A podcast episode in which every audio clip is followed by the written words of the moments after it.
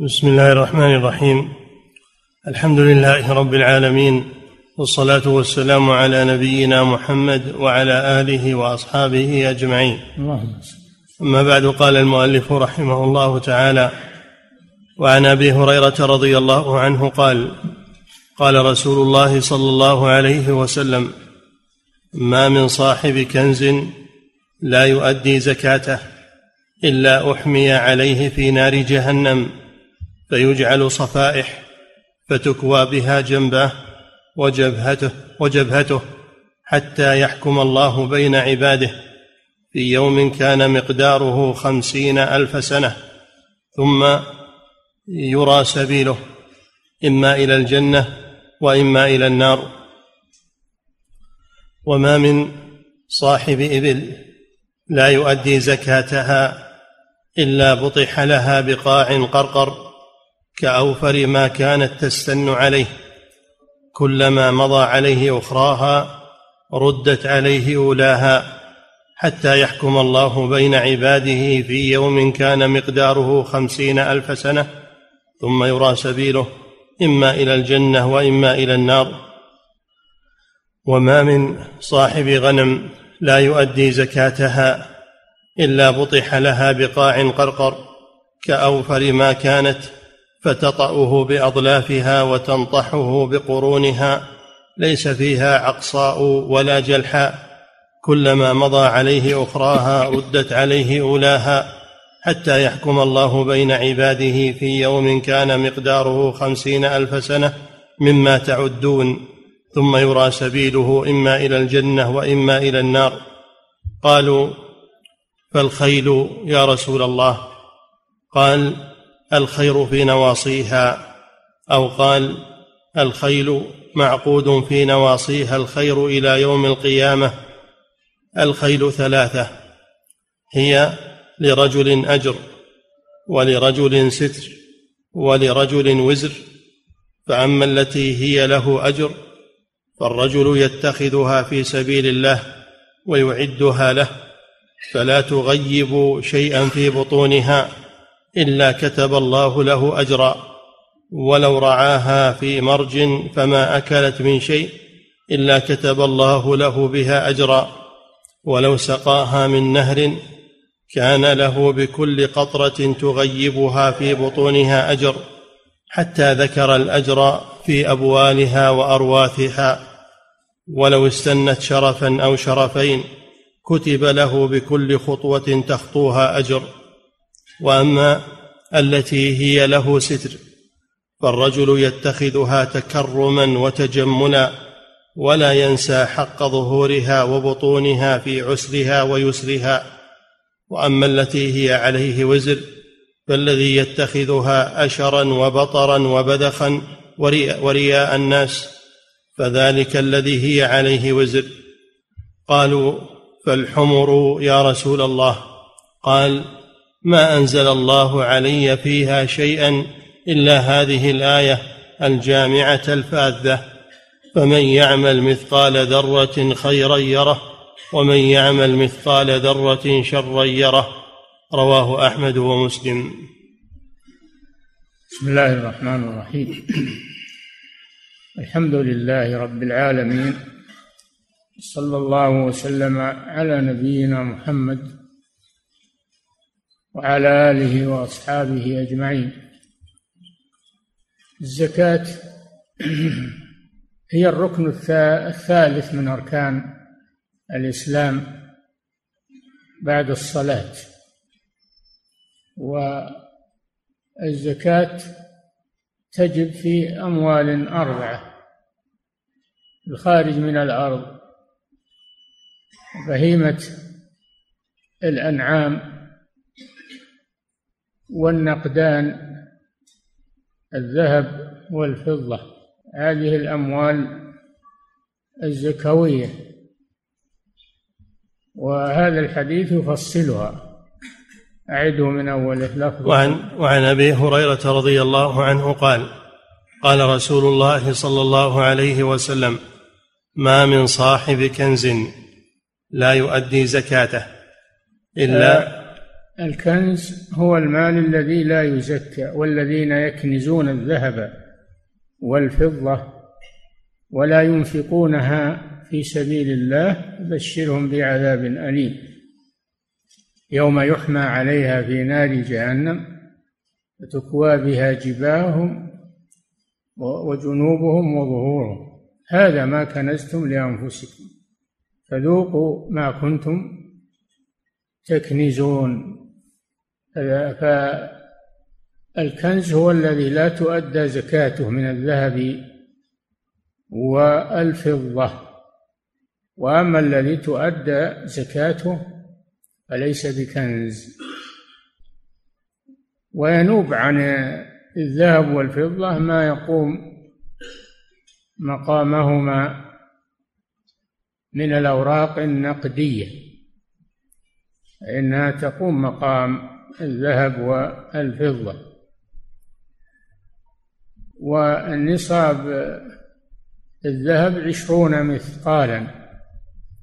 عشرون مثقالا. ونصاب الفضة مئة وأربعون مثقالا. وهي مئتا درهم. مئتا درهم مئة وأربعون مثقالا. وفي النقود الفضة السعودية ست وخمسون ريالا عربيا. ستة وخمسون ريالا عربيا. أو ما يقوم مقامها من الأوراق النقدية. والذهب نصابه آه، عشرون مثقالا. عشرون مثقالا. وهي أحد عشر أحد عشر آه، جنيها. نعم. ما من صاحب كنز لا يؤدي زكاته إلا أحمي عليه في نار جهنم فيجعل صفائح فتكوى بها جنباه وجبهته حتى يحكم الله بين عباده. نعم هذا وعيد الذي عنده ذهب أو فضة أو نقود ورقية ولا يخرج زكاتها أنها تصفح صفائح من نار يوم القيامة فيكوى بها جبهته وجنبه وظهره في يوم مقداره خمسين ألف سنة مما تعدون. خمسين ألف سنة وهو يعذب بها. نسأل الله العافية. وهذا وعيد وعيد شديد على من لا يزكي ما عنده من الذهب أو من الفضة أو ما يقوم مقامهما من الأوراق النقدية. نعم. إلا أحمي عليه في نار جهنم فيجعل صفائح فتكوى بها جنباه وجبهته. حتى يحكم الله بين عباده. في يوم كان مقداره خمسين ألف سنة ثم يرى سبيله إما إلى الجنة وإما إلى النار. ثم بعد خمسين ألف سنة يرى سبيله أو يرى بفتح الياء يرى سبيله إما إلى الجنة وإما إلى النار. يحكم الله فيه سبحانه وتعالى وهو خير الحاكمين. وهذا وعيد شديد في منع الزكاة والبخل بها. نعم. وما من صاحب إبل لا يؤدي زكاتها إلا بطح لها بقاع قرقر.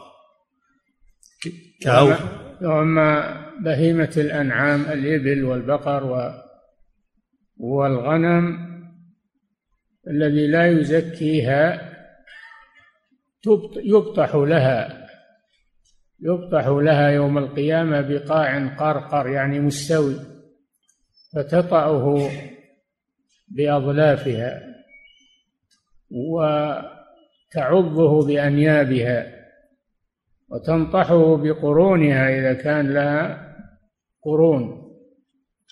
كلما مر عليه آخرها رد عليه أولها في يوم مقداره خمسين ألف سنة. هذا وعيد شديد فيرى بعد ذلك سبيله إما إلى الجنة وإما إلى النار بعدما يعذب هذا العذاب الأليم الطويل. نسأل الله العافية. نعم. وما من صاحب إبل لا يؤدي زكاتها إلا بضح لها بقاع قرقر كأوفر ما كانت تستن عليه. كلما مضى عليه أخراها ردت عليه أولاها. تستن عليه يعني تمر عليه تطأه تدوسه على القاع.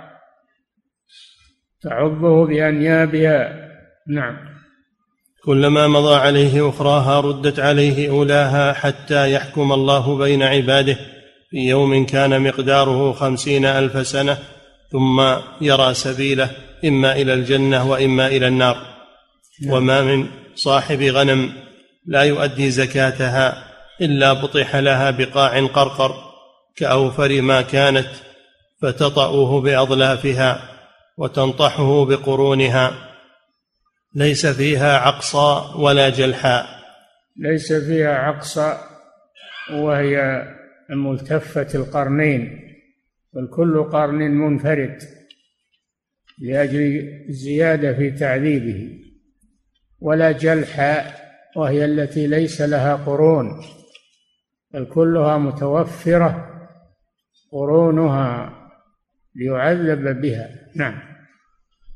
كلما مضى عليه أخراها ردت عليه أولاها حتى يحكم الله بين عباده في يوم كان مقداره خمسين ألف سنة مما تعدون. ثم تعدون في الدنيا. نعم. ثم يرى سبيله إما إلى الجنة وإما إلى النار. قالوا فالخيل يا رسول الله.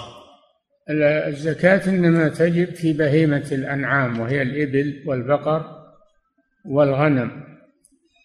وأما الخيل فليس فيها زكاة. إلا إذا أعدها للتجارة يبيع ويشتري فيها يبيع ويشتري فيها فإنه يزكيها زكاة تجارة. وكذلك الحمر حمر الأهلية جمع حمار. هذه أموال ولكن ليس فيها زكاة. إلا إذا أعدها للبيع والشراء والتجارة الزكاة في قيمتها كسائر عروض التجارة. نعم. قالوا فالخيل يا رسول الله؟ قال الخير في نواصيها. أو قال الخيل معقود في نواصيها الخير إلى يوم القيامة. هذا يدل على بركة الخيل و و أنها فيها النفع العظيم.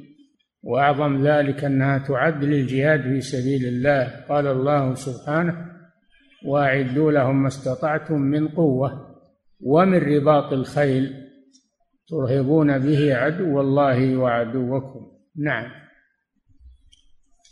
الخيل ثلاثة. هي يقول صلى الله عليه وسلم الخيل ثلاثة. يعني ثلاثة أنواع حسب مقصد صاحبه. نعم. الخيل ثلاثة هي لرجل أجر ولرجل ستر ولرجل وزر. فأما التي هي له أجر فالرجل يتخذها في سبيل الله ويعدها له. نعم هذا له فيها أجر. إذا كان يتخذ الخيل للجهاد في سبيل الله فهي له أجر. نعم.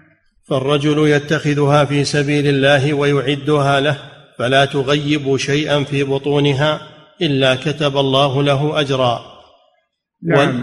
ما ما يوضع في بطونها من العلف ومن الماء ومن إلا يكتب الله لصاحبها أجر في ذلك. نعم. ولو رعاها في مرج فما أكلت من شيء إلا كتب الله له بها أجرا. ولو رعاها في مرج والمرج هو الحديقة التي فيها الرعي. نعم.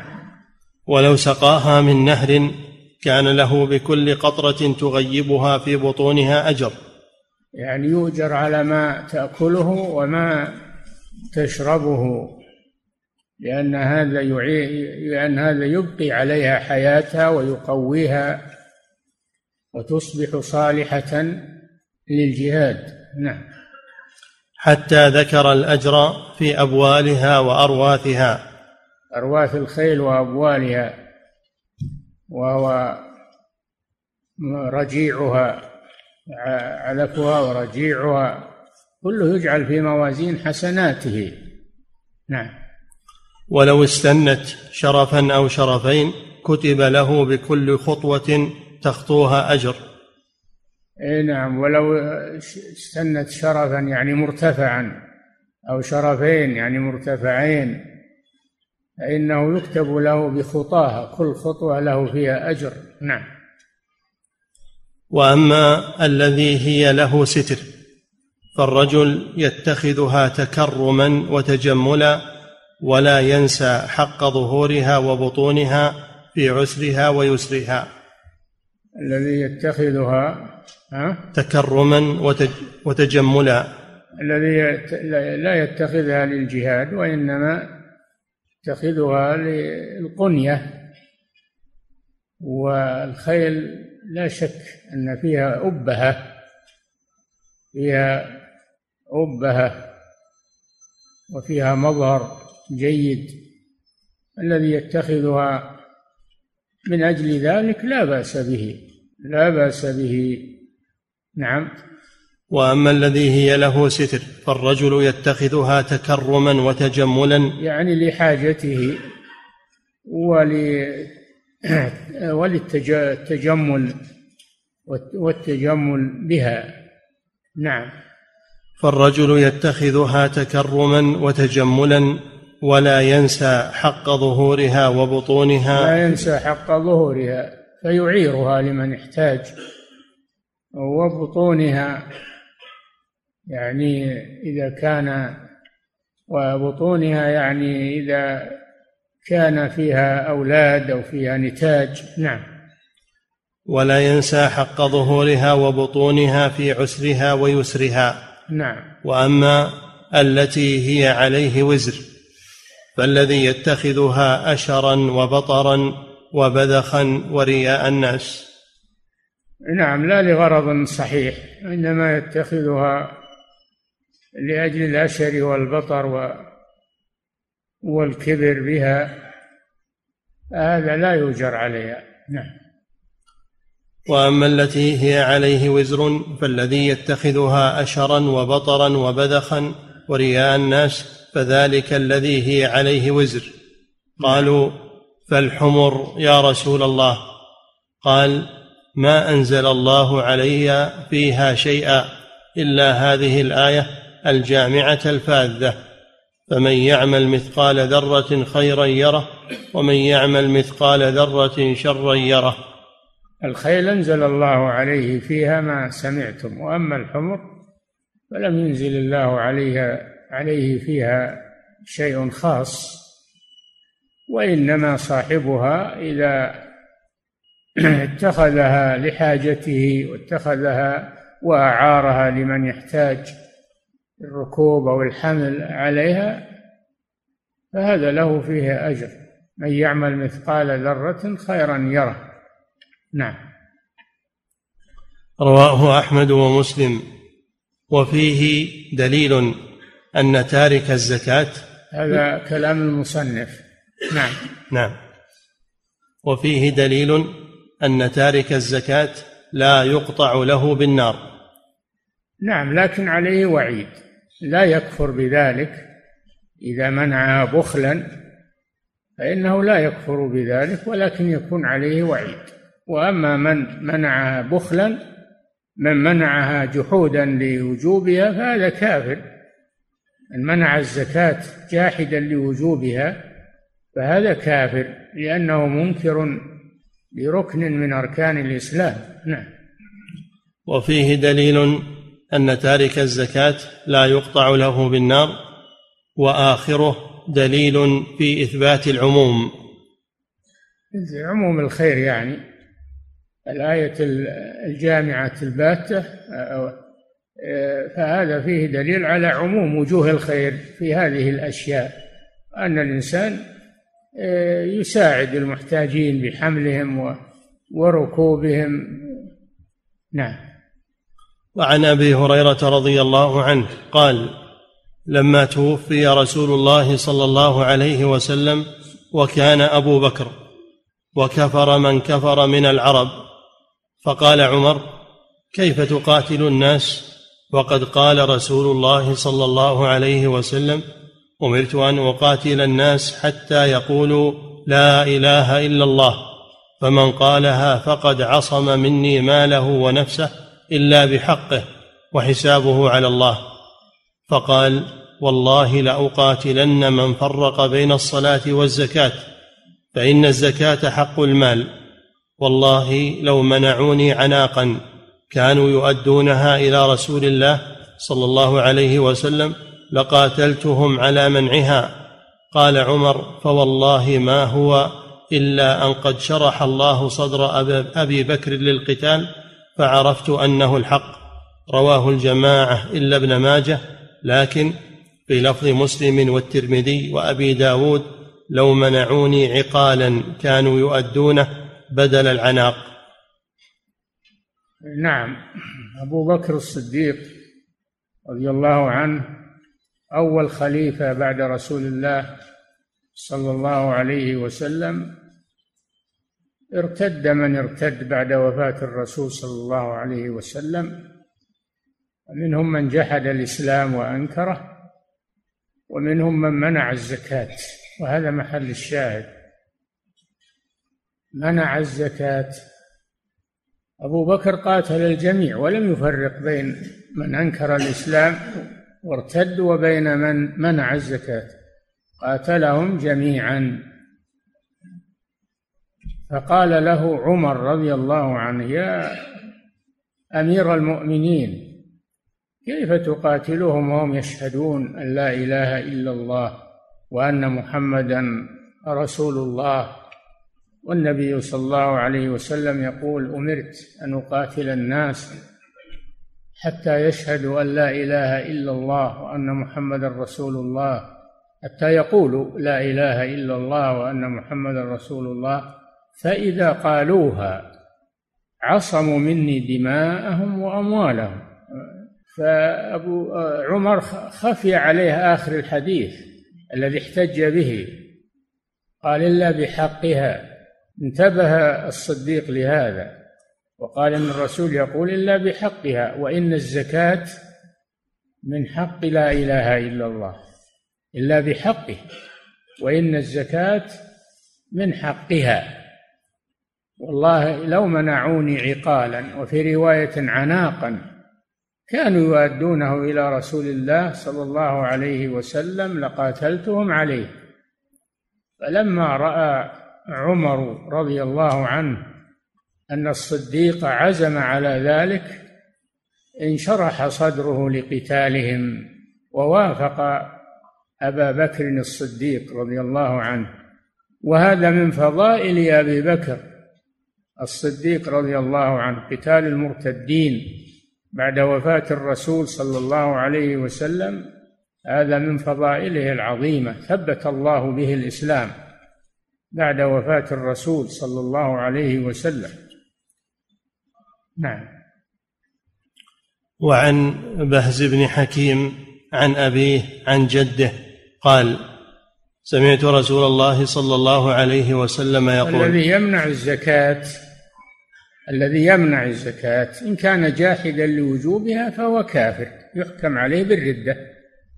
وإن كان مقرا بوجوبها ولكن منعه البخل فإنها تؤخذ منه قهرا. لأنها حق وجب عليه لغيره. تؤخذ منه قهرا. وإن كان له شوكة ومنعة فإنه يقاتل. يقاتل عليها كما منع أبو بكر الصديق آه، مانع الزكاة. وقال إن الزكاة من حق لا إله إلا الله. الرسول يقول إلا بحقها وإن الزكاة من حقها فهذا من فقه أبي بكر الصديق رضي الله عنه. ووافقه عمر ووافقه الصحابة وقاتلوا معه هؤلاء الذين منعوا الزكاة. نعم. وعن بهز بن حكيم عن أبيه عن جده قال سمعت رسول الله صلى الله عليه وسلم يقول في كل إبل سائمة. في كل أربعين ابنة لبون. لا يفرق إبل عن حسابها. الزكاة تجب في بهيمة الأنعام وهي الإبل والبقر والغنم. بدأ بالإبل ها في, في كل, كل إبل سائمة. كل إبل سائمة والسائمة هي اللي هي التي ترعى آه، من المباح ترعى من من من العشب ومن الكلى. كل الحول أو أغلب الحول. هذه هي السائمة فيها الزكاة. وأما التي يعلفها صاحبها يعلفها آه، كل الحول أو أغلب الحول هذه ليست سائمة وليس فيها زكاة. نعم. في كل إبل سائمة في كل أربعين ابنة لبون لا يفرق إبل عن حسابها. نعم. في كل أربعين من الإبل ابنة لبون ابنة لبون وابنة اللبون هي التي مضى لها آه، هي التي لها سنتان لأن فيها لأنها ولدت وصار فيها لبن. فهذه ابنة اللبون أمها حملت وولدت. أمها حملت وولدت وصار فيها لبن بعد الولادة. هذه ابنة لبون وهي ما مضى عليها سنتان. في كل أربعين منها واحدة من الإبل. نعم. في كل ابن سائمة في كل أربعين ابنة لبون. يعني بشرطين شرط أن تكون سائمة يعني راعية من الكلأ الحول وأكثره والشرط الثاني أن تبلغ أربعين أن تبلغ أربعين. فتجب فيها ابنة لبون وهي ما تم لها سنتان. ويبدأ تبدأ الإبل من خمس من خمس في الخمس شاة وفي العشر شاتان إلى أن تبلغ خمس وعشرين ففيها بنت مخاض.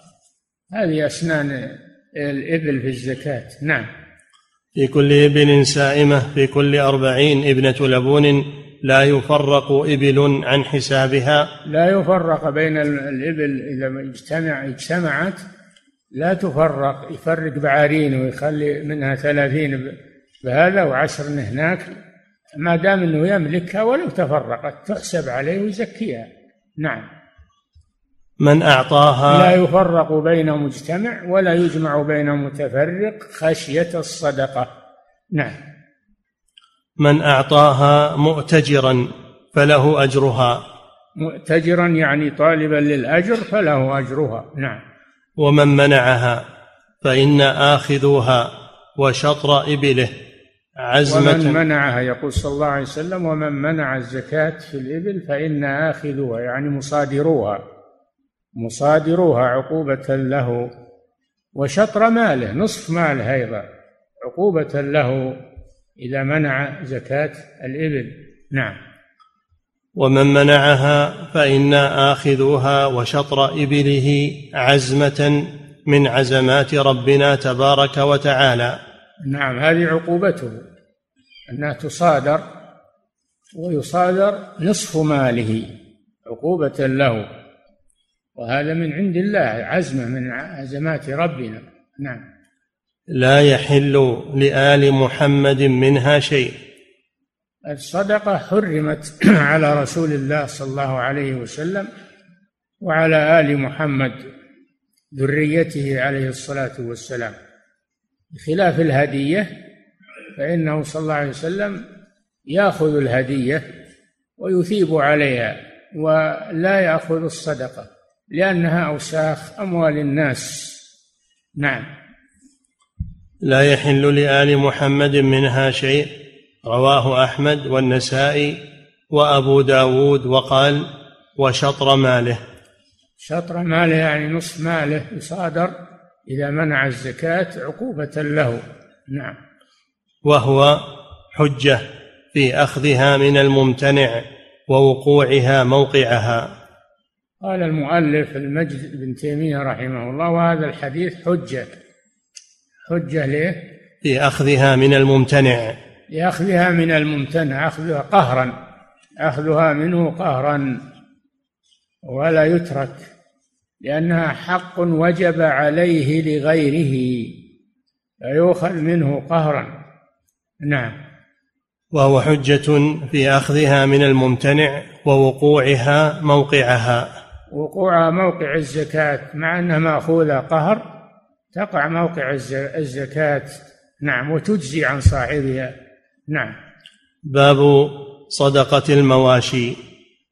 نعم. عن أنس رضي الله عنه أن أبا بكر كتب لهم إن هذه فرائض الصدقة التي فرض رسول الله صلى الله عليه وسلم على المسلمين التي أمر الله بها ورسوله. أبو بكر الصديق كتب كتابا للمسلمين بين فيه فرائض الصدقة في في الإبل وبهيمة الأنعام تفاصيلها. وهو كتاب أبي بكر مشهور عند العلماء في فرائض الصدقة. نعم. أن أبا بكر كتب لهم إن هذه فرائض الصدقة.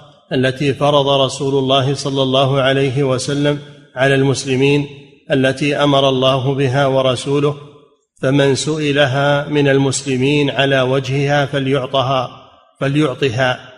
ومن سئل فوق إذا طلبت منه إذا طلبت منه الزكاة طلبها ولي الأمر أو نائبه فليدفعها له. يجب عليه أن يدفعها له لأن النبي صلى الله عليه وسلم كان يبعث الذين يجبون الصدقات والزكوات يستلمونها من أصحابها ويوزعها على مستحقيها. نعم. كان يرسل العمال يرسل العمال لجباية الزكاة من الأموال التي تجب فيها. نعم. فمن سئلها من المسلمين على وجهها فليعطها ومن على وجهها إذا كان آخذها ينفقها ويخرجها على على وجه يوزعها على وجهها فلا يسعه أن يمنعها. نعم. ومن سئل فوق ذلك فلا يعطه. من سئل فوق الواجب فلا يعطيه. ما هذا ظلم. قال صلى الله عليه وسلم وإياك وكرائم أموالهم واتق دعوة المظلوم. إنه ليس بينها وبين الله حجاب. فأخذ القليل والردي هذا في ظلم للفقراء. وأخذ الجيد هذا في ظلم للمزكي. والزكاة تؤخذ من الوسط تؤخذ من الوسط. هذا هو العدل. نعم. فيما دون خمس وعشرين من الإبل الغنم في كل خمس ذود شاة. نعم في فيما دون خمس وعشرين من الإبل آه الغنم. في الخمس شاة واحدة في العشر شاتان في الخمس عشر ثلاث شياه. نعم. فإذا بلغت خمسا وعشرين ففيها ابنة مخاض. إلى إذا بلغت الإبل خمسا وعشرين فإنها تنتقل من الغنم إلى أن تخرج الزكاة منها. بنت مخاض. بنت مخاض وبنت المخاض هي بنت الحامل. المخاض هو الحمل والماخذ الماخذ الحامل. فتكون ولدتها ثم حملت بعدها. سمى مخاض حامل يعني. نعم. فإذا بلغت خمسا وعشرين ففيها ابنة مخاض إلى خمس وثلاثين فإن لم تكن ابنة مخاض فابن لبون ذكر. ابن لبون وهو ما حملت أمه وولدت وصار فيها لبن هذا يقال له ابن اللبون. نعم. فإذا بلغت ستا وثلاثين ففيها ابنة لبون إلى خمس وأربعين. إذا بلغت ستا وثلاثين. ستا وثلاثين ففيها ابن بنت لبون يعني وهي التي حملت أمها ووضعت صارت ذات لبن. نعم. فإذا بلغت ستا وأربعين ففيها حقة طروقة الفحل إلى ستين. ففيها حقة وهي التي آه، استحقت أن تركب ويحمل عليها. نعم. فإذا بلغت واحدة وستين ففيها جذعة إلى خمس وسبعين. نعم وهي الجذعة أكبر من من الحقة. نعم. فإذا بلغت ستا وسبعين ففيها بنت لبون إلى تسعين. بنت لبون كما سبق. نعم. فإذا بلغت واحدة وتسعين ففيها حقتان طروقتا الفحل إلى عشرين ومائة إلى عشرين ومائة فإذا زادت على عشرين ومائة ففي كل أربعين ابنة لبون. تستقر الفريضة إذا بلغت مئة وإحدى وعشرين تستقر الفريضة. في كل أربعين بنت لبون وفي كل ما فوق حقة. نعم في كل أربعين. ففي كل أربعين ابنة لبون وفي كل خمسين حقة. وفي كل خمسين حقة. وهي التي استحقت أن تركب ويحمل عليها أكبر من بنت اللبون. نعم. فإذا تباين أسنان الإبل في فرائض الصدقات فمن بلغت عنده صدقة الجذعة وليست عنده جذعة وعنده حقة فإنها تقبل منه ويجعل معها شاتين إن استيسرتا له. هذا الجبران. إذا ما كان عنده السن من الإبل الذي يجب عليه فإنه يخرجه ويخرج معه من الغنم ما يسمى بالجبران. نعم. فإنها تقبل منه ويجعل معها شاتين إن استيسرتا أو عشرين درهما. أو عشرين درهما بدل الشاتين. نعم. ومن بلغت عنده صدقة الحقة وليست عنده إلا جذعة فإنها تقبل منه ويعطيه المصدق عشرين درهما أو شاتين. نعم إذا ما كان عنده السن الواجب عليه بل عنده أرفع أرفع من السن الواجب عليه فإن المصدق يأخذه ويرد عليه. هذا عكس الأول الأول جبران يعطيه وأما هنا فإذا أخذ منه فوق ما يجب عليه يرد عليه شيء من الدراهم. نعم. ومن بلغت عنده صدقة الحقة وليست عنده وعنده ابنة لبون فإنها تقبل منه ويجعل معها شاتين إن استيسرتا له أو عشرين درهما. ومن بلغت معها شاتين إن تيسر وجدت الشاتين عنده وإلا بدل الشاتين عشرين درهم. نعم. جبران. نعم. ومن بلغت عنده صدقة ابن ابنة لبون وليست عنده إلا حقة فإنها تقبل منه ويعطيه المصدق عشرين درهما أو شاتين. نعم يرد عليه. في هذا يرد عليه المصدق. يرد على صاحب المال يأخذ السن الذي فوق ما يجب عليه ويرد عليه ما ثمن الزيادة وعشرون درهما. نعم. ومن بلغت عنده صدقة ابنة لبون وليست عنده ابنة لبون وعنده ابنة مخاض فإنها تقبل منه ويجعل معها شاتين إن استيسرتا له أو عشرين درهما. هذا جبران. و... المصدق المصدق آه، المتصدق يدفع السن الأقل ويدفع معه الجبران. نعم. ومن بلغت صدقته ابنة مخاض وليس عنده إلا ابن لبون ذكر فإنه يقبل منه وليس معه شيء. نعم لأن ابن اللبون أكبر من ابن المخاض. نعم. ومن لم يكن عنده إلا أربع من الإبل ومن لم يكن عنده إلا أربع من الإبل فليس فيها شيء. نعم يعني أصغر نصاب للإبل خمس. فإذا نقص عن خمس مثلا عنده أربع من الإبل ليس عليه زكاة. نعم. ومن لم يكن عنده إلا أربع من الإبل فليس فيها شيء إلا أن يشاء ربها. سبق لنا أنه إذا كان عنده خمس يجب عليه شاة. إذا لم يكن عنده إلا أربع أو ثلاث أو ثنتين فليس عليه شيء إلا إن أراد أن يتصدق تطوعا من عنده فلا بأس. نعم. وفي صدقة الغنم في سائمتها إذا كانت أربعين. سائمتها. يشترط في زكاة بهيمة الأنعام أن تكون سائمة. وعرفنا السائمة. نعم. وفي صدقة الغنم في سائمتها إذا كانت أربعين ففيها شاة إلى عشرين ومائة. نعم. في فيها في, في الأربعين شاة وفي الثمانين شاتان. إلى عشرين مئة وعشرين حينئذ تستقر الفريضة. نعم.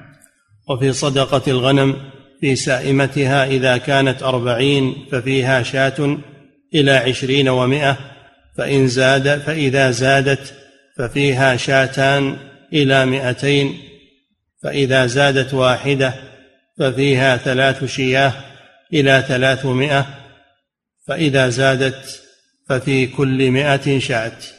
يعني تستقر الفريضة في كل مائة شاة. إذا زادت على أربعمائة تستقر الفريضة في كل أربعين شاة. نعم. ولا يؤخذ في الصدقة هرمة. ما يؤخذ في الصدقة المجزي في الصدقة يعني في الزكاة المجزي في الزكاة. لا تجزئ الهرمة وهي الكبيرة. نعم. ولا ذات عوار. ولا ذات عوار كالعوراء والعرجاء والمريضة وما أشبه ذلك. نعم. ولا تيس. ولا يؤخذ فيها تيس ذكر إنما يؤخذ من الضأن. نعم. ولا تيس. إلا إذا كان كل اللي عنده معز يأخذ من من المعز من التيس أو من العنز. نعم. ولا تيس إلا أن يشاء المصدق. نعم. ولا يجمع بين متفرق ولا, ولا يجمع بين متفرق ولا يفرق بين مجتمع خشية الصدقة. لا يجوز أنه يوزع ماله. إحنا عرفنا أن في كل أربعين شاة هو عنده أكثر من أربعين. يوزعهن يقول علشان ما يجب عليه شيء. نقول لا الملك لك سواء تفرق أو اجتمع الزكاة فيه. إذا كان عندك أربعين شاة سواء مجتمعة أو متفرقة ففيها شاة. نعم. ولا يجمع بين متفرق ولا يفرق بين مجتمع خشية الصدقة. نعم. وما كان من خليطين فإنهما يتراجعان بينهما بالسوية. نعم الخلطة تؤثر. إذا كان واحد ما عنده إلا شاة واحدة. وواحد عنده تسع وثلاثين شاة. صارت أربعين ولا لا؟ فيها شاة. اللي عليه اللي ما له إلا وحده يجب عليه شيء؟ نعم يجب عليه بسبب الخلطه ويتراجعان بالسوية. يتراجعان بالسوية. نعم. وما كان من خليطين فإنهما يتراجعان بينهما بالسوية. وإذا كانت سائمة الرجل ناقصة من أربعين شاة فليس فيها شيء إلا أن يشاء ربها. ما دون أربعين من الغنم ليس فيه زكاة إلا أن يشاء ربها أن يتصدق فله باب الباب مفتوح. نعم. وفي الرقة الرقة. الرقة يعني الفضة. بعثوا أحدكم بورقكم يعني بالفضة سمى ورق. نعم. هو الورق. لا. الرقة الفضة. نعم. وفي الرقة ربع العشر. الرقة فيها ربع العشر. اثنين ونصف بالمية. إذا بلغت النصاب. نعم. وبالرقة ربع العشر فإذا لم يكن المال إلا تسعين ومائة فليس فيها شيء إلا أن يشاء ربها. وفي الرقة وفي الرقة ربع العشر.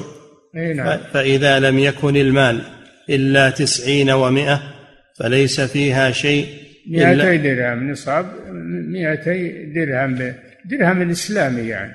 درهم الإسلامي مئتي درهم. إذا نقصت فليس فيها زكاة واجبة وإذا أراد صاحبها أن يتصدق فله ذلك. نعم. فليس فيها شيء إلا أن يشاء ربها رواه أحمد والنسائي وأبو داود والبخاري وقطعه في عشرة مواضع. قطعه البخاري في عشرة مواضع. كعادته رحمه الله أنه يجعل أطراف الحديث بحسب بحسب الأبواب. يجعل في كل باب ما يناسبه من الحديث فيقطع الحديث. هذا ما يسمى بالأطراف. نعم. ورواه الدار قطني كذلك وله فيه في رواية في صدقة الإبل فإذا بلغت إحدى وعشرين ومائة ففي كل أربعين بنت لبون وفي كل خمسين حقة. هذا إذا إيه؟ فإذا بلغت إحدى وعشرين ومائة إيه نعم إذا زادت على مائة وعشرين واحدة ففيها بكل تستقر الفريضة. نعم. ففي كل أربعين بنت لبون وفي كل خمسين حقة. إيه نعم. قال الدار قطني هذا إسناد صحيح ورواته كلهم ثقات. نعم الدار قطني من أئمة الحديث من كبار من كبار المحدثين رحمه الله. نعم. وعن الزهري عن سالم عن أبيه قال سالم بن عبد الله عن أبيه عبد الله بن عمر. نعم. عن أبيه قال عن سالم عن أبيه قال كان رسول الله صلى الله عليه وسلم قد كتب الصدقة ولم يخرجها إلى عماله حتى توفي. قال فأخرجها أبو بكر من بعده. هو الذي مر بكم. الكتاب الذي مر كتاب أبي بكر الذي مر بكم هو كتاب رسول الله صلى الله عليه وسلم. أخرجه وعممه على الناس. نعم. فأخرجها أبو بكر من بعده فعمل بها حتى توفي ثم أخرجها عمر من بعده فعمل بها حتى توفي. قال فلقد هلك عمر يوم هلك وإن ذلك لمقرون بوصيته. قال فكان فيها في الإبل في خمس شات حتى تنتهي إلى أربع وعشرين. فإذا بلغت إلى خمس وعشرين ففيها بنت مخاض إلى خمس وثلاثين. فإذا فإن لم تكن بنت مخاض فابن لبون. فإن زادت على خمس وثلاثين ففيها بنت لبون إلى خمس وأربعين. فإذا زادت واحدة ففيها حقة إلى ستين. فإذا زادت ففيها جذعة إلى خمس وسبعين. فإذا زادت ففيها بنت لبون إلى تسعين فإذا زادت ففيها حقتان إلى عشرين ومائة فإذا زادت الإبل ففي كل خمسين حقة وفي كل أربعين ابنة لبون. نعم. تستقر الفريضة في كل خمسين حقة وفي كل أربعين بنت لبون. إذا بلغت كم؟ مئة وعشرين. إذا بلغت مئة وعشرين وزادت واحدة إذا زادت صارت مئة وواحد وعشرين يخير. في كل أربعين حقة آه، في كل أربعين آه، في كل أربعين بنت لبون وفي كل خمسين وما زاد حقة. نعم. وفي الغنم من أربعين شاة من أربعين شاة شاة إلى عشرين ومائة فإذا زادت شاة ففيها شاتان إلى مائتين فإذا زادت ففيها ثلاث شياه إلى ثلاثمائة فإذا زادت بعد فليس فيها شيء حتى تبلغ أربعمائة فإذا كثرت يسمونها الوقص اللي بين اللي بين الفرضين يسمونها الوقص ليس فيه شيء. نعم. فإذا كثرت الغنم ففي كل مئة شاة. إيه نعم إذا كثرت عن مئتين عن عن أربعمائة إذا زادت عن أربعمائة في كل مئة شاة نعم. وكذلك لا يفرق بين مجتمع ولا يجمع بين مفترق مخافة الصدقة. وما كان؟ هذا منهي عنه أنه يجمع بين المتفرق علشان ما يصير عليه إلا زكاة يسيرة. أو يفرق بين المجتمع لئلا يكون عليه زكاة. عشرين يجعلين هنا وعشرين يجعلين هناك. ما ما يسقط الزكاة هذا. العبرة بملكه عليها لا على مكانها. تجب عليه الزكاة ولو كانت متفرقة إذا بلغت النصاب. نعم. وما كان من خليطين فهما يتراجعان بالسوية. نعم إذا كان واحد له خمس شياه وواحد له خمس وثلاثين شاة. تجب عليهم شاة. تجب عليهم شاة. كل بقدر ملكه. تراجعان بالسوية. نعم. لا تؤخذ هرمة. لا يجوز أن يؤخذ بالزكاة الهرمة وهي الكبيرة. نعم. لا تؤخذ هرمة ولا ذات عيب من الغنم. ولا ذات عيب من الغنم كالعرج و و والعور وغير ذلك والهزال. نعم. ولا تؤخذ هرمة ولا ذات عيب من الغنم. رواه أحمد وأبو داود والترمذي وقال حديث حسن. وفي هذا الخبر من رواية الزهري عن سالم مرسلا فإذا كانت إحدى وعشرين فإذا كانت إحدى وعشرين ومائة ففيها ثلاث بنات لبون حتى تبلغ تسعا وعشرين ومائة فإذا كانت ثلاثين ومائة ففيها بنتا لبون وحقة حتى تبلغ تسعا وثلاثين ومائة فإذا كانت أربعين ومائة ففيها حقتان وبنت لبون حتى تبلغ تسعا وأربعين ومائة فإذا بلغت خمسين ومائة ففيها ثلاث حقاق حتى تبلغ تسعا وخمسين ومائة فإذا كانت ستين ومائة ففيها أربع بنات لبون حتى تبلغ تسعا وستين ومائة فإذا كانت سبعين ومائة ففيها ثلاث بنات لبون وحقة حتى تبلغ تسعا وسبعين ومائة فإذا بلغت ثمانين ومائة ففيها حقتان وابنتا لبون حتى تبلغ تسعا وثمانين ومائة فإذا كانت تسعين ومائة ففيها ثلاث حقاق وابنة لبون حتى تبلغ تسعا وتسعين ومائة فإذا كانت مائتين ففيها أربع حقاق أو خمس بنات لبون. أي أي السنين وجدت أخذت رواه أبو داود. سنين. فإذا كانت مائتين ففيها أربع حقاق أو خمس بنات لبون أي السنين وجدت أخذت. رواه أبو داود. نعم هذه فرائض الصدقة بالإبل. ترتفع وتنخفض بحسب عددها. نعم. وعن معاذ بن جبل رضي الله عنه قال يكفي.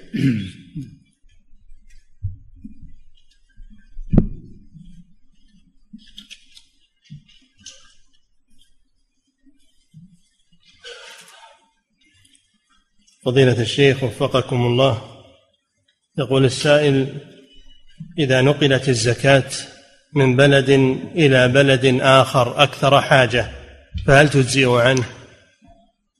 اي نعم تجزي إذا كان هناك بلد أكثر حاجة من البلد الذي فيه المال أو البلد الذي فيه المال ليس فيه فقراء تنقل ولا بأس بذلك إلى مستحقيها. نعم. فضيلة الشيخ وفقكم الله. يقول السائل هل يمكن تقدير النصاب في الزكاة بالنسبة للأوراق النقدية بصفة دائمة؟ هو الأصل في النقود ست وخمسين ريال فضة أو ما يعادلها من الأوراق النقدية. نعم. فضيلة الشيخ وفقكم الله يقول السائل بين الحين والآخر يكتب بعض الصحفيين مقالات عن مسألة عدم وجوب الزكاة في الأوراق النقدية ويذكرون نقولات عن بعض أهل العلم. فهل ما يذكرونه صحيح وأن المسألة خلافية؟ ما يذكرونه باطل. وش اللي يسقط الزكاة؟ الأوراق النقدية بدل عن عن عن الفضة. بدل عن الفضة والبدل يأخذ حكم المبدل. يعني يسقطون الزكاة. إذا ما يبقى زكاة الآن؟ لأن ما فيه تعامل بالفضة بالذهب والفضة. إنما فيها أوراق نقدية. نعم. فضيلة الشيخ وفقكم الله يقول السائل ما حكم إعطاء الإنسان الزكاة دون إخباره أنها زكاة وهو رجل فقير متعفف؟ إذا عرفت أنه فقير إذا عرفت أنه فقير فأعطه. إلا أن تعلم أنه لا يقبل الزكاة فلا بد أن تخبره أنها زكاة. نعم. فضيلة الشيخ وفقكم الله. يقول السائل الذي ابتلي بشرب الدخان إذا كان فقيرا فهل لي أن أعطي الزكاة لزوجته لتصرف منها على البيت والأولاد أم لا بد أن أسلمها له؟ تسلمها له وهو الذي يتحمل الإثم. ما دام أنه فقير ومسلم هو مسلم. ما دام أنه مسلم فتعطيه الزكاة وإذا تصرف فيها تصرفا سيئا فهو الذي يؤاخذ على ذلك. نعم. فضيلة الشيخ وفقكم الله يقول السائل إذا أردت أن أخرج زكاة الإبل والبقر والغنم فهل أذبحها ثم أوزع لحمها على المستحقين؟ لا ما تجزي. إذا ذبحتها ما تجزي. لازم تخرجها حية وسليمة وموافقة للسن الشرعي المطلوب. نعم. فضيلة الشيخ وفقكم الله يقول السائل استدان رجل مني مالا ولم يستطع السداد لفقره. فهل لي أن أسامحه عنها وأعتبرها من الزكاة؟ لا. ما تسقط الدين تعتبره من الزكاة. يعني يوم شفت أن الدين ما هو جايك تجعله زكاة؟ هذه حيلة ما يجوز هذا. نعم. فضيلة الشيخ وفقكم الله يقول السائل هل يجوز دفع الزكاة للصوفي أو الأشعري إذا كان فقيرا. كل مسلم كل مسلم يا أخي ما دام أنه مسلم وهو فقير تدفع له الزكاة الحمد لله. نعم. وكذلك حفظك الله يسأل يقول من لا يصلي وهو فقير فهل يعطى من الزكاة تأليفا لقلبه؟ آه، إذا كان يترك الصلاة متعمدا فلا تجوز له الزكاة لأنه يكفر بذلك. أما إذا كان متكاسلا مع إقراره بوجوبها ولكنه يتكاسل فهذا ينصح ينصح بإقامة الصلاة وما دام أنه لم يخرج من الإسلام وهو فقير يعطى. نعم. فضيلة الشيخ وفقكم الله يقول السائل هل يجوز أن أدفع الزكاة لزوج ابنتي الفقير علما بأنه سوف يعطي ابنتي منها؟ لا بأس بذلك. هو تعطيه المال وهو يتصرف فيه. نعم. فضيلة الشيخ وفقكم الله يقول السائل هل يقال حفظكم الله بأن عمال النظافة مستحقون للزكاة على كل حال. إذا كانوا مسلمين وراتبهم ما يكفيهم عليهم نقص يستحقون الزكاة مثل غيرهم من فقراء المسلمين. نعم. فضيلة الشيخ وفقكم الله يقول السائل عندي خادمة وقد طلبت مني أن أحتفظ برواتبها إلى أن تسافر. يقول فجعلتها في ظرف مستقل. كل راتب شهر أضعه في هذا الظرف. سؤاله هل يجب على الخادمة أن تزكي هذا المال أم أنه يجب علي أنا لأني لم أسلمها بعد؟ يجب عليها هي. ما دام إنك ما سلمته فهو لك. ما دام ما سلمته ما دخل ملكها هو باق على ملكك فتزكيه نعم. فضيلة الشيخ وفقكم الله يقول السائل هل الحلي الذي تلبسه النساء يجب فيه الزكاة؟ في خلاف بين العلماء والمذهب وهو الصحيح أنه لا زكاة في الحلي الذي يلبس لا زكاة فيه كسائر المستعملات من الملابس نعم فضيلة الشيخ وفقكم الله يقول السائل رجل اشترى قطعة أرض كبيرة منذ سنوات لأجل الاستثمار وبدأ الآن يبيع فيها وقد زاد ثمنها وهو كلما باع قطعة زكاها. فهل هذا يكفي أم لا بد أن يخرج عن السنوات السابقة؟ يخرج عن السنوات السابقة. ما دام عنده أرض ينوي بيعها كل ما مر عليها سنة يزكيها. وما باع منها يزكي قيمته وما بقي يثمنه ويزكيه نعم. فضيلة الشيخ وفقكم الله يقول السائل كيف يزكي الإنسان ما يدخره من رواتبه؟ يجعل له موعد من السنة يخرج فيه زكاة ما اجتمع لديه مما تم حوله وما لم يتم حوله إلى مثله من السنة القادمة. وبهذا تبرأ ذمته ولا يسع الموظفين وأمثالهم إلا إلا هذا. نعم. فضيلة الشيخ وفقكم الله يقول السائل الجهاد في الوقت الحاضر ليس على الخيل فهل بعد تغير وسائل القتال لم يعد في تربية الخيل وإعدادها في سبيل الله لم يعد في ذلك أجر؟ إلا في ذلك أجر الخيل إلى يوم القيامة. الخيل معقود بنواصيها الخير إلى يوم القيامة. نعم. فضيلة الشيخ وفقكم الله يقول السائل من لم يؤدي زكاة أمواله لعدة سنوات جهلا منه أو كسلا أو بخلا فهل يلزمه أن يخرج الزكاة عن السنوات الماضية؟ بلا شك. يحصيها يحصيها عن السنوات الماضية يخرجها لأنها باقية في ذمته. ما تبرأ ذمته إلا بإخراجها ولا تسقط عنه بمضي السنين أو السنة ما تسقط عنه. نعم.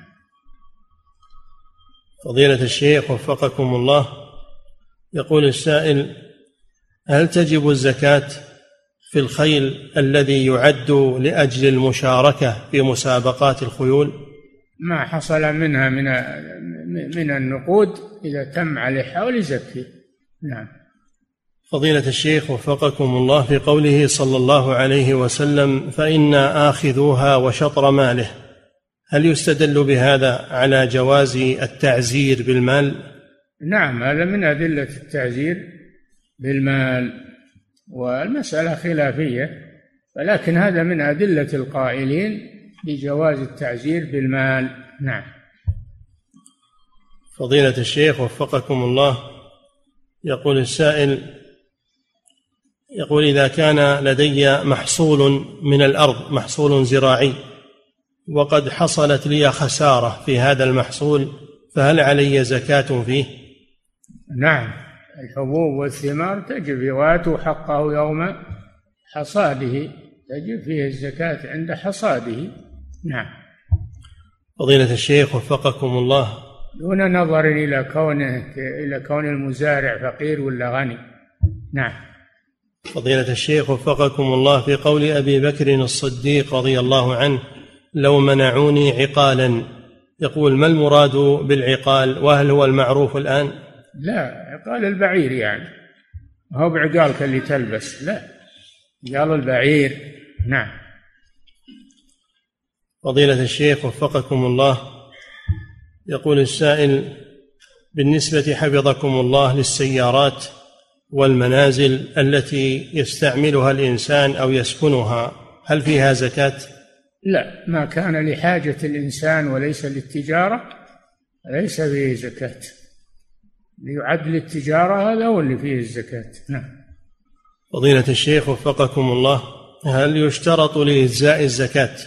أن تعطى لولي الأمر أم أنه يجوز للإنسان أن يوزعها بنفسه؟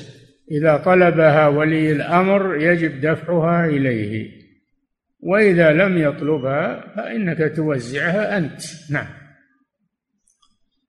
فضيلة الشيخ وفقكم الله يقول السائل هناك طالب علم مستقيم نحسبه والله حسيبه يقول وله راتب شهري. وأقوم أنا بإعطاء زكاة مالي له. فهل فعلي هذا مجزئ؟ حسب حالة هذا الشخص؟ إن كان راتبه يكفيه فلا تحل له الزكاة ولا يحل لك أن تدفعها له. أما إن كان راتبه لا يكفيه تعطيه قدر ما ينقص عليه فقط. قدر ما ينقص عليه تجبره من الزكاة. نعم. نعم. فضيلة الشيخ وفقكم الله يقول السائل عندي مجموعة من الإبل قد بلغت النصاب أقوم في النهار بإخراجها لترعى من العشب فإذا رجعت في العصر فإني أطعمها من الشعير فهل تعد من السائمة فيجب فيها الزكاة؟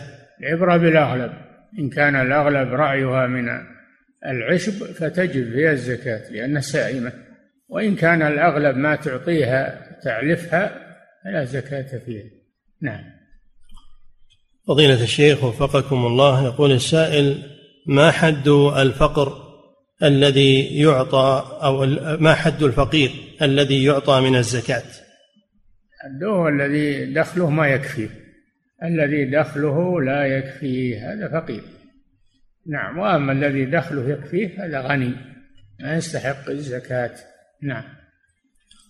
فضيلة الشيخ وفقكم الله يقول السائل في بلادنا ندخر التين المجفف طوال السنة فهل فيه زكاة؟ لا ليس فيه زكاة هذا من الفواكه ليس فيه زكاة إلا إن كان إنك تبيع وتشتري فيه يعتبر تجارة فيه زكاة تجارة نعم فضيلة الشيخ وفقكم الله يقول السائل عندي محل لبيع أسطوانات الغاز فهل تجب علي الزكاة في هذا الأمر؟ إي نعم هذا بيع وشراء تبيع وتشتري بالأسطوانات هذه تجارة زكيها نعم.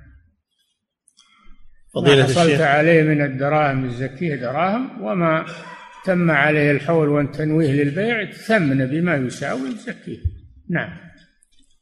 فضيلة الشيخ وفقكم الله يقول هل يصح أن يقال عن الرجل الصالح بعد موته إنه قد هلك كما مر معنا في الحديث لما هلك عمر رضي الله عنه. هلك يعني مات. الموت ما هو بهلاك. ها؟ إن امرؤ هلك. القرآن إن امرؤ هلك ليس له ولد.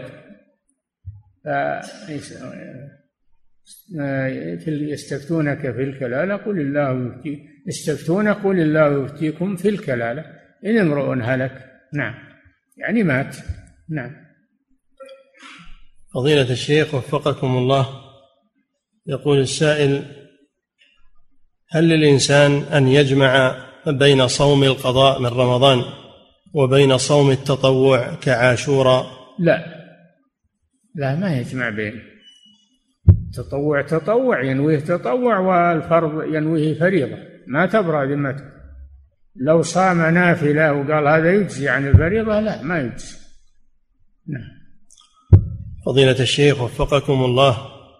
يقول من منع الزكاة لسنوات ثم تبين له الحكم بعد ذلك وأنه يجب عليها أن يؤديها جميعا. يقول ولكن ليس عنده شيء الآن فما الواجب عليه؟ الواجب عليه أن يكتبها في ذمته دين في ذمته. إذا تيسرت يخرجها. لا يهملها لازم يكتبها لئلا ينساها أو يموت وهي في ذمته ولا يدرى عنها نعم. فضيلة الشيخ وفقكم الله يقول السائل ما حكم أن يصوم الإنسان شهر محرم كاملا؟ لا ما يصام كاملا لكن يصام أغلبه. ما صام رسول الله صلى الله عليه وسلم شهرا كاملا إلا رمضان. نعم. فضيلة الشيخ وفقكم الله يقول السائل تغيبت عن عملي لسنوات ثم رجعت بعد ذلك لتصفية حقوقي فخرج لي مبلغ يقدر بمائتي ألف. يقول وأخذتها. سؤاله هل علي زكاة فيها عن الأعوام الماضية؟ قبل أن تقبضها ليس عليك زكاة لأنك ما تدري يجن ولا ما يجن. ولكن بعد ما قبضتها تجب عليك زكاة. نعم. فضيلة الشيخ وفقكم الله يقول السائل هناك أخ مريض أوصى زوجته بأنه إذا مات أن يدفن في قريته ولكن أمه ولكن أمه تريد أن يدفن في مكان آخر فمن يقدم إذا مات؟ كله جائز والحمد لله. يدفن مع المسلمين في أي مكان؟ يدفن مع المسلمين في أي مكان؟ والحمد لله. نعم. فضيلة الشيخ وفقكم الله يقول السائل هل يقال بالكراهة في إفراد صوم عاشوراء؟ لا. صوم عاشوراء ذكر ابن القيم في زاد المعاد أنه على ثلاثة أنواع. أن يصوم الثلاثة الأيام يوم قبله يصومه مع يوم قبله ويوم بعده. هذا أفضل.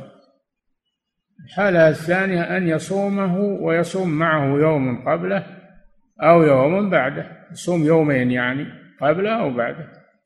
الحالة الثالثة أن يصوم عاشوراء وحده. وليس معه يوم لا قبله ولا بعده. نعم. فضيلة الشيخ وفقكم الله يقول السائل رجل نذر أن يعمل سقاية ماء في قريته وهي عبارة عن بركة مغطاة كما كان في كما كان في الأوقات السابقة. يقول قام الآن بوضع برادات ماء بدلا من هذه فهل هذا العمل يجزئ هذا نعم هو نذر ولا إيش؟ نعم نذر أن يعمل سقاية ماء عبارة عن بركة مغطاة كما في كان نذر أنه يعمل بركة مغطاة نعم. فيوفي بنذره لأنه عين هذا عين هذا بالنذر فينفذه أما إذا نذر أنه يعمل سقاية للناس حاجة الناس فهذا يجزي أنه يعمل بركة أو يعمل برادات. نعم. فضيلة الشيخ وفقكم الله. يقول هل يعاب على الع... هل هل يعاب على العام من الناس إذا كان مرجعه هو شبكة الإنترنت فيما يشكل عليه من مسائل الدين فيكتب السؤال في الشبكة ثم يظهر له الجواب ويعمل به؟ من أين من أين الجواب هذا؟ من العلماء؟ ما يعتمد إلا جواب أهل العلم المعروفين خصوصا الإفتاء. الأمور العامة ما يفتي فيها إلا الإفتاء ما يفتي فيها كل أحد. أما الأمور الفردية من عنده علم يفتي السائل في الأمور الفردية. أما الأمور العامة ما يفتي فيها إلا هيئة كبار العلماء أو اللجنة الدائمة. نعم. وإذا جاءهم أمر من الأمن أو الخوف أذاعوا به. ولو ردوه إلى الرسول وإلى أولي الأمر منهم لعلمه الذين يستنبطونه منه هذا يرد إلى الجهات المختصة. نعم. فضيلة الشيخ وفقكم الله يقول السائل امرأة كثيرة الجدال مع زوجها وهو يسكتها ويصمتها لكنها لا تقبل فيهددها بالطلاق حتى تكف شرها. سؤاله ما الواجب علي في مثل هذه الحال؟ وهل تهديدي بالطلاق يكون جائزا؟ عليك بحسن العشرة مع زوجتك. عليك بحسن العشرة وإقناعها. حتى ولو كذبت عليها لأجل إصلاح العشرة لا بأس بذلك. نعم. فضيلة الشيخ وفقكم الله يقول بالنسبة لأذكار الصباح والمساء ما الأفضل أن يقولها الشخص في المسجد أم يقولها في بيته؟ حسب ما يتيسر له. يقولها في المكان الذي يتيسر له. ما نقول له لازم تقولها في المسجد. يمكن عنده شغل ولا عنده. يقولها في المكان الذي يتيسر له ويسهل عليه. نعم. فضيلة الشيخ وفقكم الله هذا سائل يقول ابني يسافر إلى خارج البلاد ليحضر مباريات كرة القدم في بلاد الكفار فما هو نصيحتكم لي وله في هذا الأمر؟ أن يتقي الله عز وجل ولا يتابع هذه اللعبة التي لا فائدة فيها بل فيها مضرة ولا يسافر من أجلها إلى بلاد الكفار. أول شيء أنها هي تافهة وشيء ثاني السفر إلى بلاد الكفار لا يجوز إلا لأمر ضروري مثل علاج مثل تعلم شيء خاص ما يوجد إلا عندهم ونحن بحاجة إليه مثل التجارة لا بأس. نعم. فضيلة الشيخ وفقكم الله. يقول السائل أنا أعيش في منزل مع أهلي يوجد فيه منكرات يوجد فيه الأغاني والأفلام وكلما فاتحت أبي وناصحته لم يستجب. فماذا أصنع وبماذا تنصحونني؟ إذا كان تستطيع الخروج من هذا البيت والسكنى خارج هذا البيت يجب عليك ذلك. وإن كنت لا تستطيع فعليك بالبقاء في البيت لكن تعتزل المكان أو الغرفة أو المجلس الذي فيه هذا الشيء تكون في منزل خاص في غرفة خاصة وتبتعد. بقدر ما تزول الحاجة وتخرج من هذا البيت إلى سكن منفرد. نعم. فضيلة الشيخ وفقكم الله يقول السائل الذي ابتلي بالسحر وقد جرب يقول الرقية الشرعية ولم ينتفع بها ما الذي يصنعه بعد ذلك؟ الرقية الشرعية هي النافعة وهي العلاج. إذا ما نفعت عند واحد تنفع عند الثاني يلتمس راقيا غير الأول ويعينه أو يرقي نفسه ويكرر ما ييأس من رحمة الله يكرر الرقية. الحمد لله. نعم. فضيلة الشيخ وفقكم الله يقول أعمل على سيارة أجرة فهل تجب علي الزكاة في هذه الأجرة؟